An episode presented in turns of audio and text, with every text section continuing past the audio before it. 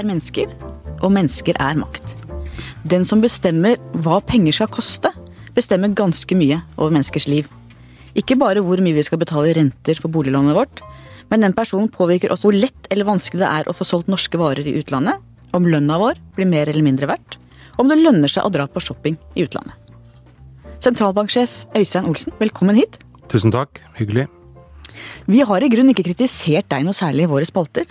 Nei, jeg sluppet billig unna, kanskje. Ja, Mange- men, men tidligere statsminister Jens Stoltenberg kritiserte deg kraftig, på sitt vis, da du for noen år siden prøvde å stramme inn på handlingsregelen.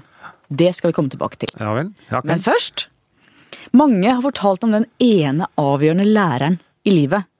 Og for deg så var det en lærer på realskolen som fikk deg til å bli tent på matte. Fortell. Ja, vi, hadde, vi hadde en kvinnelig, veldig flink eh, matematikklærer på, ja, på, på realskolen. Jeg hadde bra lærere på grunnskolen òg, men jeg husker særlig denne, denne, denne damen, som eh, var eh, veldig, veldig inspirerende. Og jeg fikk mer og mer sans for matematikk. Eh, Forhåpentligvis hadde jeg et visst anlegg også.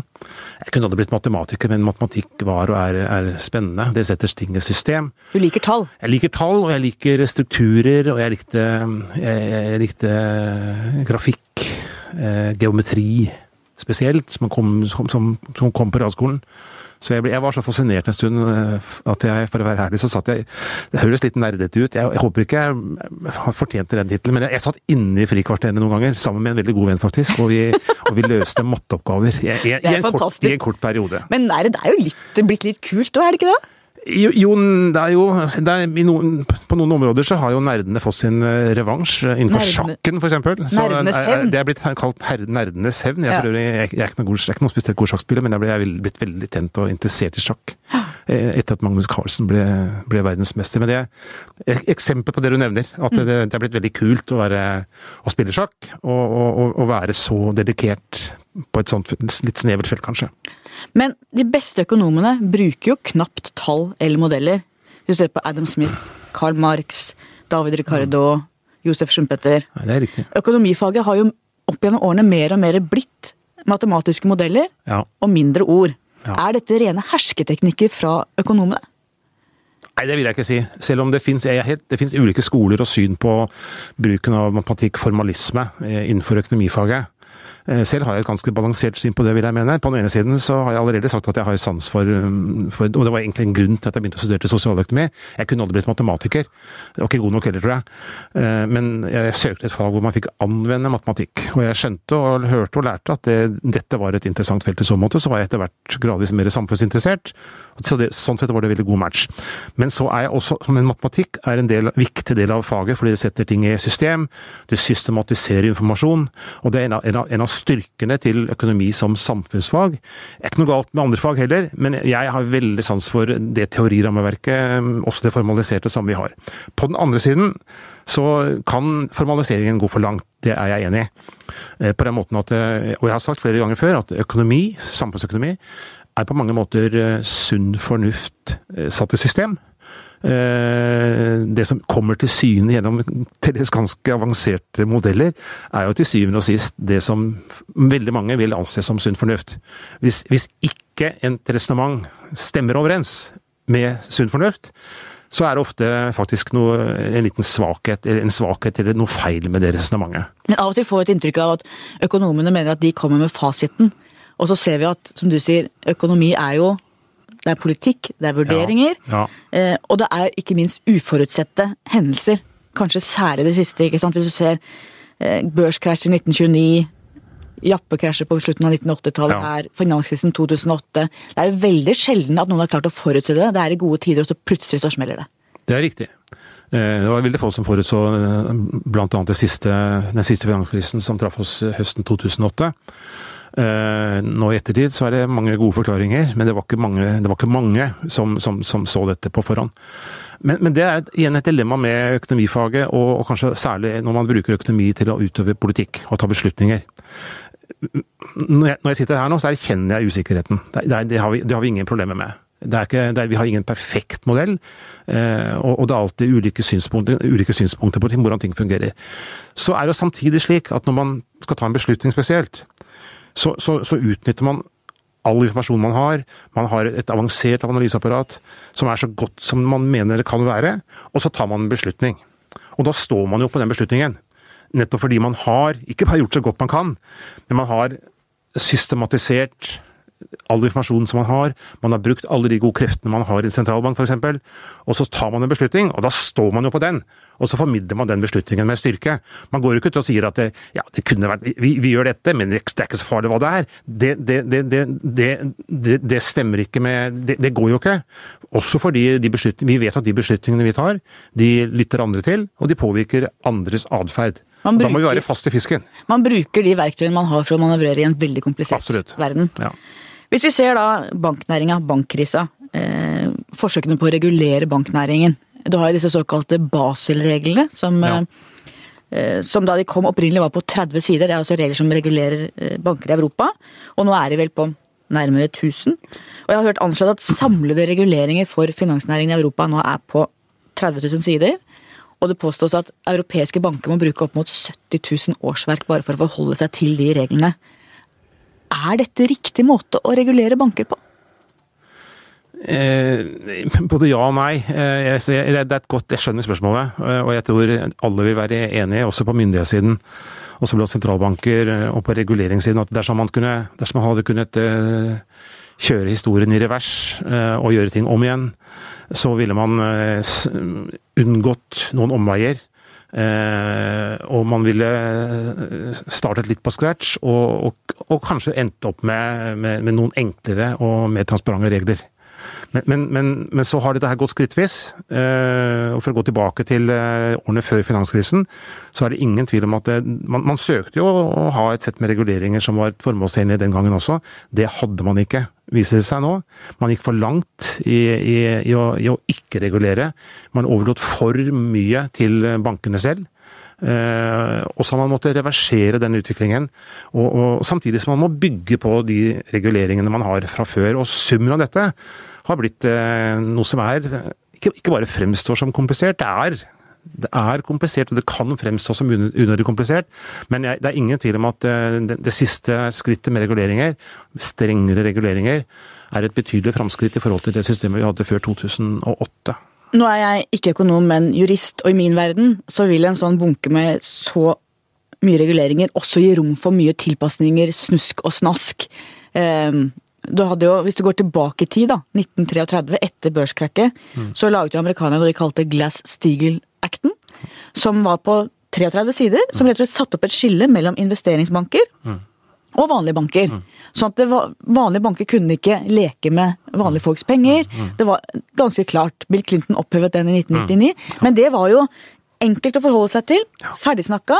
Ja. Neste som de laget da etter finanskrisen, er vel på 850 sider. Ja. Altså, er ikke av og til det enkle det beste, hvor man sier at nei, dette er lov, dette er ikke lov. Og litt sånn Altså I pressen har vi jo presseetikken hvor du veit hva du skal og ikke skal gjøre. Du har mm. det i kultur nå. Mm. Den type reguleringer kan jo rett og slett gjøre at du slipper å tenke sjøl, eller slipper mm. å ha en egen moralsk standard for at du har regulert ned til minste detalj hva du kan og ikke kan gjøre.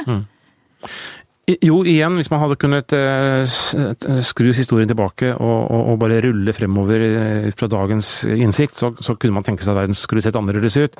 Men, men det, det, det er dilemmaet hele tiden at verden har blitt mye mer komplisert. Finansmarkedene spesielt har blitt enormt mye større og, og uoversiktlige. Mange flere instrumenter enn den gangen. Banker er blitt veldig store too big to fail.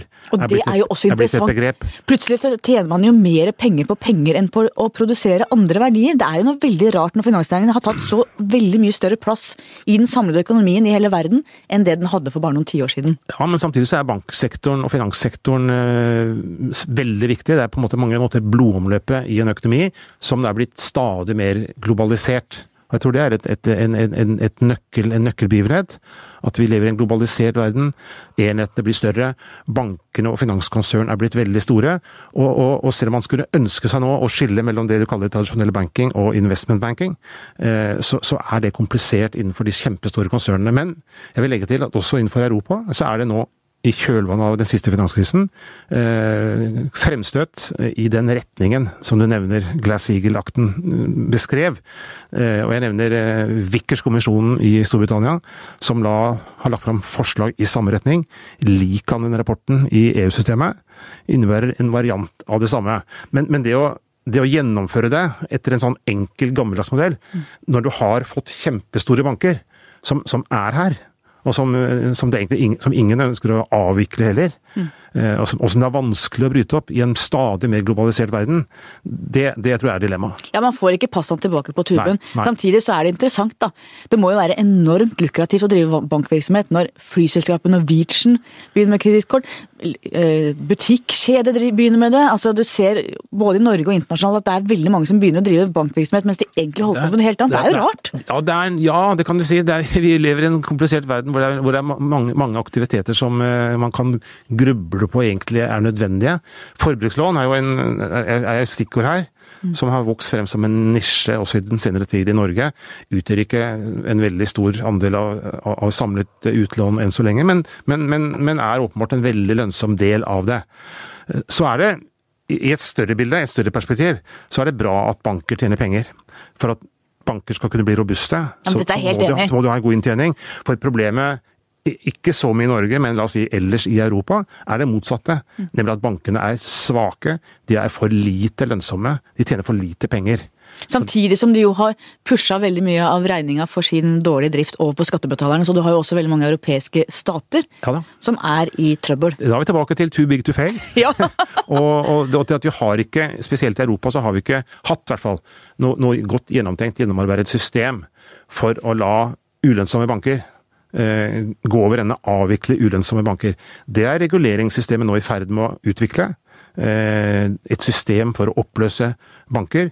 Men, men, eh, men da snakker vi nok i praksis om, om, banker av en begrenset størrelse. Fordi de virkelig store bankene er rett og slett livsnødvendige for den globale økonomien. Og det gir dem jo en enorm makt, da, for da kan de fortsette å ture fram litt som de vil. For de har den tryggheten bak seg at de blir løst ut hvis de ja, kommer i trøbbel? Ja, det ligger, der ligger et dilemma der. Eh, at de er store og, og mektige, det er jeg helt enig i. Det bryter de, på en måte med kapitalismen. De blir samtidig utsatt for, eh, for, for, eh, mye tøffere reguleringer i dag enn de gjorde for la oss si, for, for syv-åtte år siden før finanskrisen. Men det bryter jo på en måte med kapitalismens grunnprinsipp om at den som setter inn pengene sine og tar risikoen, er den som må tape hvis det går gærent. For sånn er det jo ikke lenger. Nei, det er, det er, det er et dilemma der. I, i, i all finansvirksomhet, bankvirksomhet spesielt.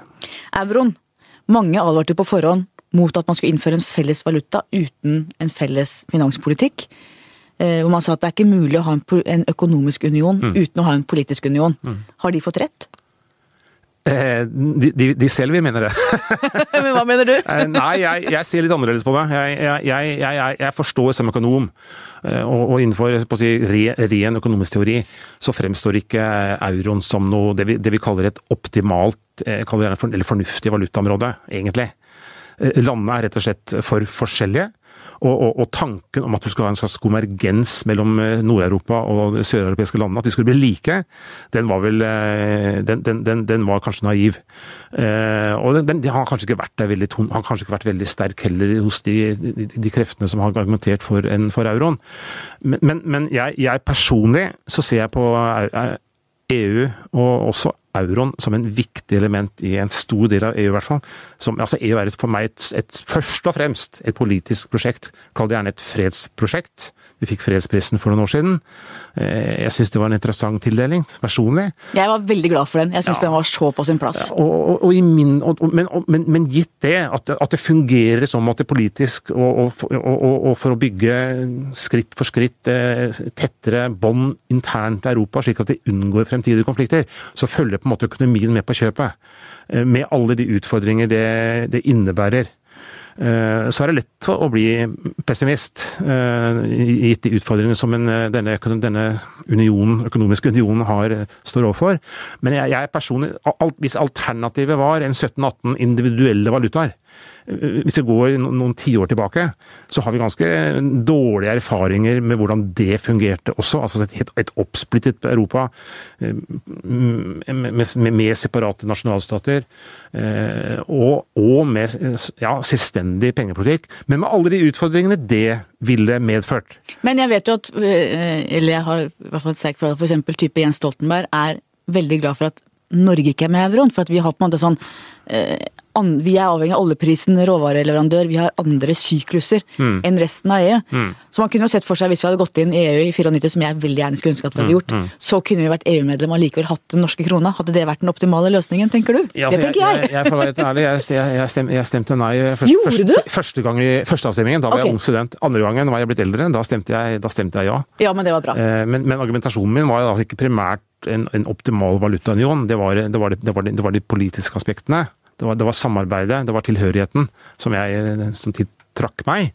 Eh, igjen, rent økonomisk, og særlig i den situasjonen norsk økonomi er i nå, har vært de siste to-tre årene. Det er klart, når, når, når vi får et oljesjokk, eh, oljeprissjokk, og får, og, og får en, et umiddelbart behov for å styrke vår konkurranseevne, så er det fordel av en egen valuta. Når, når alle de andre har etablert seg i en union, så er det veldig gunstig for Norge å stå utenfor i en sånn situasjon som vi er i nå.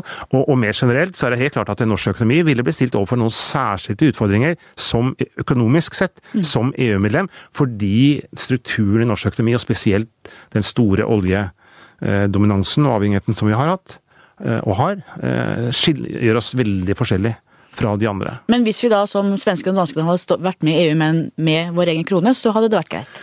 Ja, det kunne vært en løsning, selvfølgelig, sånn rent økonomisk, men um, så, så vidt jeg husker, så var det egentlig aldri noe alternativ. Eh, Vi stemte, vi stemte for et medlemskap, eh, inklusive euroen. Men svenskene har jo Svensk- Ja, de, de, de, de slapp unna med det. ja.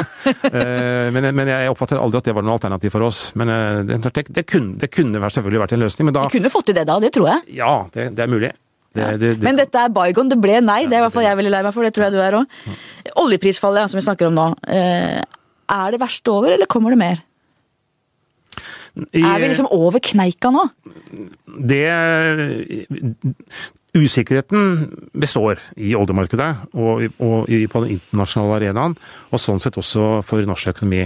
Vi, vi vi har sett i løpet av sommeren at oljeprisen har svingt litt. Den har, eh, etter å ha kommet, kommet opp fra en bunn på 20-tallet per dollar, eh, eller per fat, dollar per fat, så, så, så, så, kom oljeprisen opp igjen før sommeren, og så falt den eh, litt urovekkende gjennom sommeren, og så har den svingt opp igjen.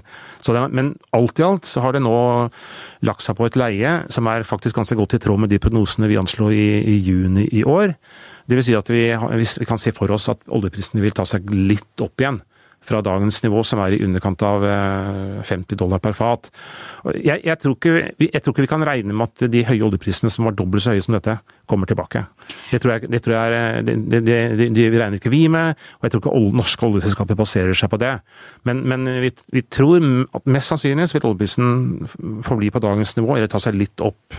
Og, og, og i den forstand så tror vi også i våre prognoser at norsk økonomi er, eh, er over den verste kneika, at veksten blir lav i år. Arbeidsledigheten har kommet litt opp, eh, vil kanskje øke litt til. Men så vil veksten ta seg gradvis opp igjen fremover. Det er det bildet vi presenterte i, i, i juni, og så kommer vi med nye prognoser som sikkert kommer til å avvike litt fra dette om, om, om noen uker. Du lever jo av å være bekymra på vegne av oss alle. Ja. Eh, oljefondet, generasjonsregnskapet. Jeg er også bekymra, skjønner du. Ja. Når du ser altså eh, Oljefondet er jo stort, men det er jo ikke så veldig mye å lene seg på når du ser hva vi faktisk bruker. Gir det en slags falsk trygghet? Altså, olje, jeg, jeg vil si at det, oljefondet og oljefondsmekanismen har vært og er veldig viktig for norsk økonomi. Vi opplever det faktisk i disse tider. For det første så har vi ikke brukt penger som en nasjon som en full person, eh, og gått av skaftet. Eh, Vi har spart veldig mye av den formuen. Det er en fantastisk Og det, ordning. og det nyter vi. Vi har ikke ødelagt økonomien vår i utgangspunktet. Vi nyter nå, i dag, etter at oljeprisen har falt, godt av eh, at vi har satt penger til side.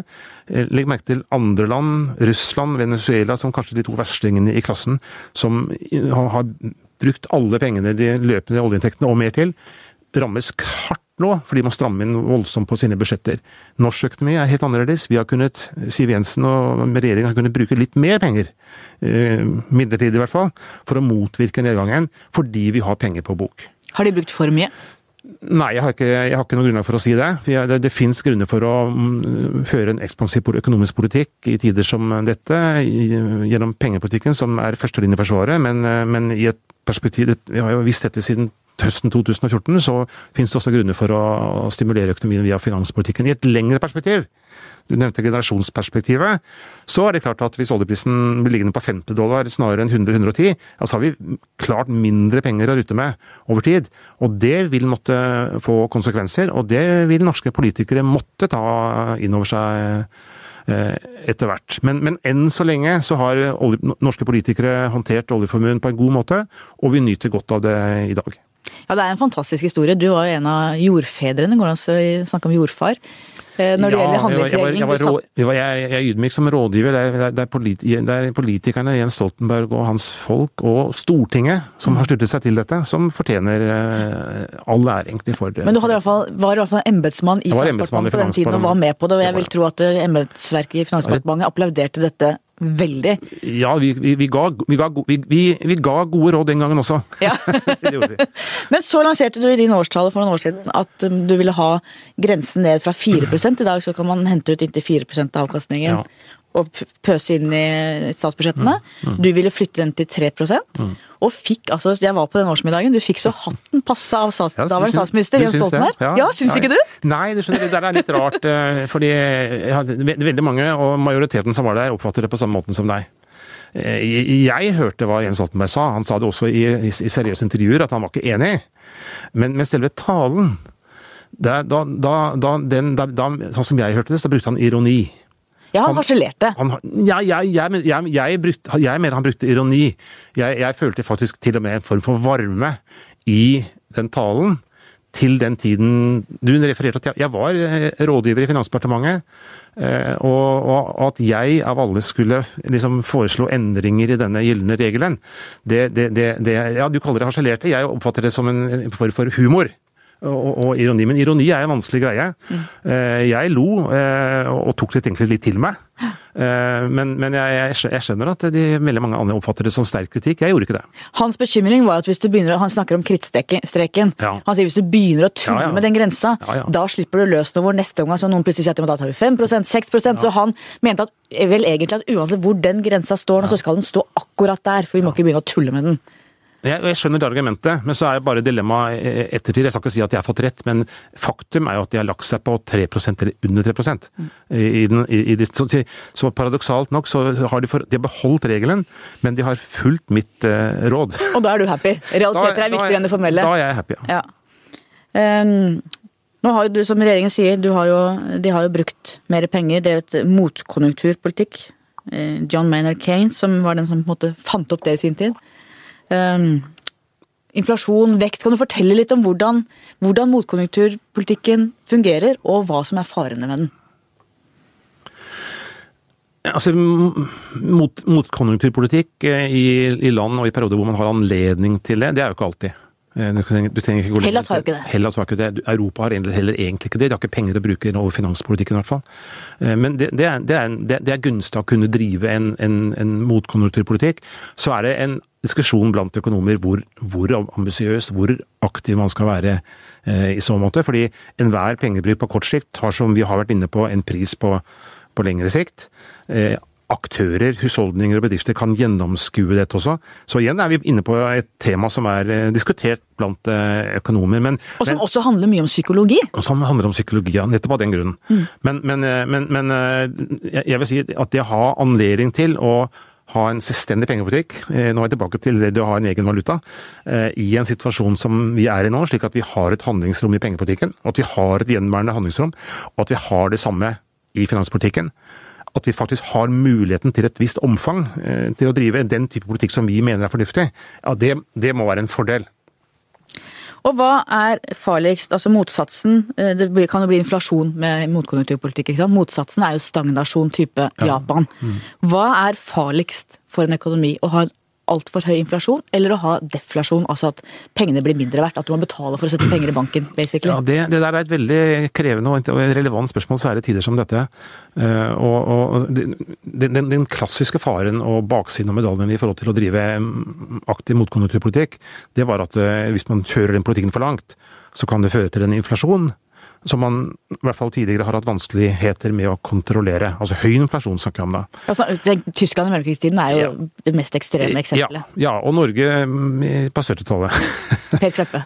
ja, der drev vi en veldig aktiv motkonjunkturpolitikk og mistet kontroll over inflasjonsutsiktene. Per Kleppe og, måtte reversere politikken. Per Kleppe som var Arbeiderpartiets finansminister den gangen. Ja, og det var ikke bare Per Kleppe. Det, var, det skjedde egentlig en, en, en, en Vi drev den politikken for langt. Vi brukte altfor mye oljepenger i en tidlig fase her, både på 70-tallet og inn i 80-tallet, faktisk. Eh, så ble vi reddet av, av at oljeprisen skal kraftig i været. Eh, men, men men, men, eh, tilbake til spørsmålet ditt om inflasjon. Nå er utfordringen snarere fallende priser, altså deflasjon, som du sier. Og, og, og, det er en situasjon som da særlig preger Europa, som fortsatt er en situasjon med svak vekst, selv om det tikker gradvis oppover. Og prisstigningen eh, er nær null. Og det er et eh, altså hvis, hvis, hvis, du får fallende priser i en situasjon hvor det er veldig svak aktivitetsvekst i økonomien, så er det urovekkende, for da kan du få en negativ spiral. fordi i andre perioder så er det bra med at folk sparer og holder tilbake til forbruket. Dersom det skjer i den situasjonen som da Europa er i nå, så kan det forverre, forsterke nedgangen. At man utsetter forbruk eh, i påvente av at ting blir billigere, mer allment. Så, vil jeg legge til at det, eh, tematikken der er krevende også for sentralbanker for tiden. Fordi det, flere innenfor sentralbankmiljøet har sagt at det, eh, La oss erkjenne følgende. Vi, vi, vi har lært gjennom historien hvordan vi kan tøyle høy inflasjon ja, da setter vi rentene opp.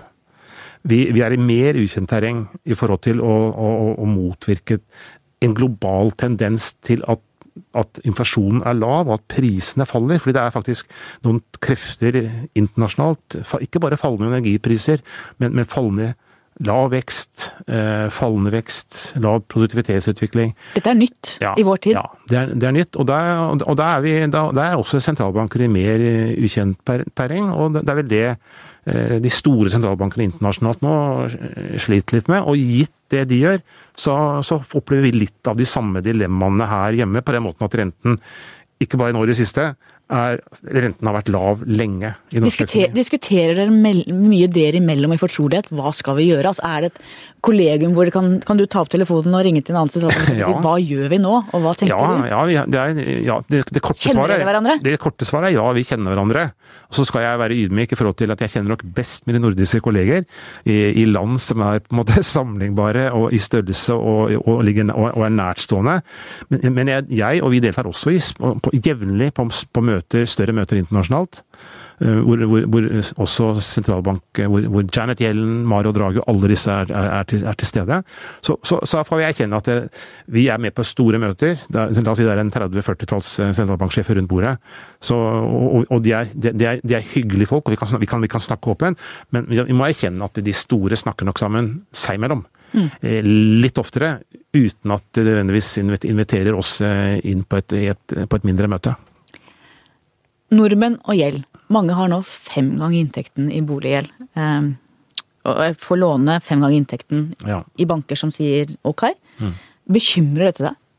Ja, det er en, det er en med det med den utviklingen vi har sett i den senere tid i Norge, hvor, hvor gjelden har vært stadig økende, og særlig husholdningssektoren kommet opp på et veldig høyt nivå, og, og særlig bestemte grupper, som du sier, har veldig høy gjeld i forhold til sin inntekt. Eh, sporet av en størrelse som sentralbanken har ansvar for, nemlig renten. Så, og vi erkjenner veldig klart at eh, vedvarende lav rente, og enda lavere rente som vi har hatt, eh, fått de siste årene, det har den baksiden at det definitivt er med på å stimulere, stimulere boligmarkedet og, og, og, drive gjelden husholdningssektoren til, til, et enda høyere nivå. Men det er, det er, en balansegang mellom ulike hensyn som vi, til, som vi, er nødt til å ta. Dessuten det lave rentenivået i seg selv er noe vi har importert. Eh, renten er lav nå, men selv halvannen prosent eh, som, som, renten lå på før desember 2014, er jo lavt. Det var billig låne penger da også. Og det er et, eh, er et forhold som, som, har, som, er, som, skyldes lave renter internasjonalt. Da jeg kjøpte min første leilighet i 1993, så tror jeg det var 13,5 rente. Ja. Og i løpet av den sommeren gikk det liksom ned ja, jeg, jeg husker også den perioden der. Ja, det var tøft. Ja. Men blir det en ny boligboble? Altså Blir det en sprekk, kan boligmarkedet krasje? Det, vi, vi, vi, bruker ikke Norges Bank, som, som, det, som, som fremkommet også i den senere tid, eh, så, så bruker ikke vi ordet boble. Eh, det, folk kan ligge litt ulike ting i det begrepet. Men, men hvis man med boligboble mener at det er, en, at det er, det er ikke bare høy prisvekst, men, en, men veld, veldig høy prisvekst over lengre tid har stimulert overinvesteringer i bolig, og så sprekker boblen, og så står det hundretusener av boliger ledige i ferieleiligheter, sånn som det som skjedde i Spania spesielt. Vi er ikke i nærheten av det. Men, men hvis, man med, hvis man med det begrepet mener at det, vi har en sterk boligprisutvikling som, som, på et tidspunkt vil, kan snu, vil snu, og at det er en risiko for det, for at det, det snur litt brått, og at det blir litt ubehagelig, så deler vi den, eh, den bekymringen. Og det er et hensyn som vi også søker å, å ta når vi setter, setter renten, som sagt. Eh, kommunenes gjeld, bekymrer det deg? Ikke på samme måten. Det er, det er, ikke noe vi tenker like mye på som husholdningssektoren. Kommunenes økonomiske situasjon er det, er det noe det, det, tar staten ansvar for. det er godt å ikke måtte ta ansvar for alt. Ja, ja. Faren din, han ja. begynte som arbeider på Akers Mekaniske Verksted. Og så tok han da i voksen alder gymnaset og videreutdanning, og ble etter hvert viseadministrerende direktør med svart bil med sjåfør. Det er jo litt av en klassereise. Fortell om faren din. Ja, det er, I likhet med veldig mange andre så har jeg, har jeg et veldig nært og godt forhold til min, til min far. Han, han døde dessverre altfor tidlig. Eh, ja, du var 23 år? Da vi var i 20-årene. Knut og jeg var i 20-årene. Eh, men, men eh, og, og, da har man kanskje, når, når sånt skjer, så har man kanskje et, et, da har man et entydig positivt bilde av, av, en far. Men, men en, vi, hadde en, vi, hadde en, veldig god oppvekst. Jeg, jeg har ikke noe, det er ingenting som rokker med det. Han var en, han var han var bauta, men samtidig en, varm og, og, og, varm person. Som ordnet opp i, i, i, i de små og mellomstore problemene som oppstod, og, som, som, som, som uh, sørget for familien. Hvordan prega det deg å miste faren din så tidlig? Altså, det, det, helt, det, det, var en, det, er en, fryktelig opplevelse å, å miste nærtstående, og, og, såpass tidlig. Det er jeg helt sikker på alle som har gjort det, eh, opplever. Det blir aldri borte. Eh, og, og vi ja, det, har preget familien, det har preget min mor spesielt, som da ble alene, helt alene. Så, I den forstand aller verst for henne, kanskje. Hun ble stående alene med ansvar. Eh, fire barn? Jeg hadde fire barn. Knut og jeg var i, vi var i 20-årene da.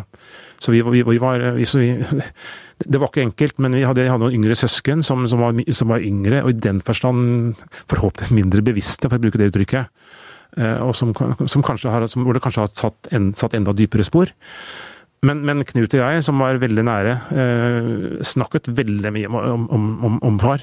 Eh, og, og, men, men, men, vi støttet hverandre også i, si, i, i refleksjoner rundt eh, si, liv, liv, og død, for å bruke det uttrykket. Broren din, Knut Olsen, kjent ja. NRK-profil og en ja. usedvanlig hyggelig kollega. husker mm. han som. Du mistet jo han også for ja. fem år siden. Den siste dagen han levde, så samlet han familien sin rundt seg og viste film. Fortell om det. Det, det, det, er helt riktig. Jeg, jeg var ikke akkurat for den seansen, men jeg var, jeg var der kvelden før. Eh, men, men, men, slik jeg har fortalt, eh, fått fortalt historien, da, så er det han, han, visste hva som skulle skje. Han, eh, han, var, han hadde nyresvikt, han måtte ha daglig dialyse. Han, han hadde smertestillende, selvfølgelig. Han ba om å bli Den neste dag ingen doser smertestillende. Da, da ville han være helt klar. Mm. Og så samlet han sin familie, eh, og så eh, Sånn som Guro og barna fortalte det til meg, så, så, så, var han på en måte tilbake i, i, i reportermoduset. Hvor han, hvor han liksom han, han, han, kjørte film, de hadde forberedt noe film fra gamle dager. Og han, han, fortalte om livet tilbake i tid, eh, og han snakket litt om Han, han doserte om og formante om, om, fremtiden. Dagen etter så var det slutt. Så det, det, det var sterkt. Men det er en fantastisk måte også for familien å få lov til å ta farvel på den måten?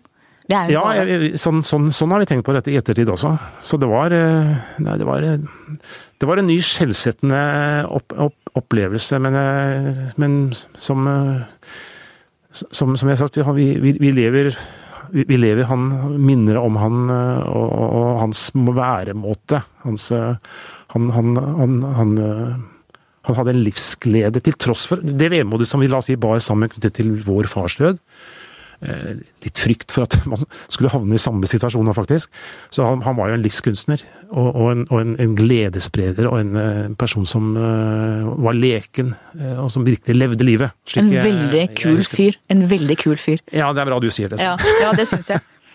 Eh, du definerer deg selv ikke som personlig kristen, men du har sagt at du har en tro som er en blanding av håp og tro. Hva mener du med det?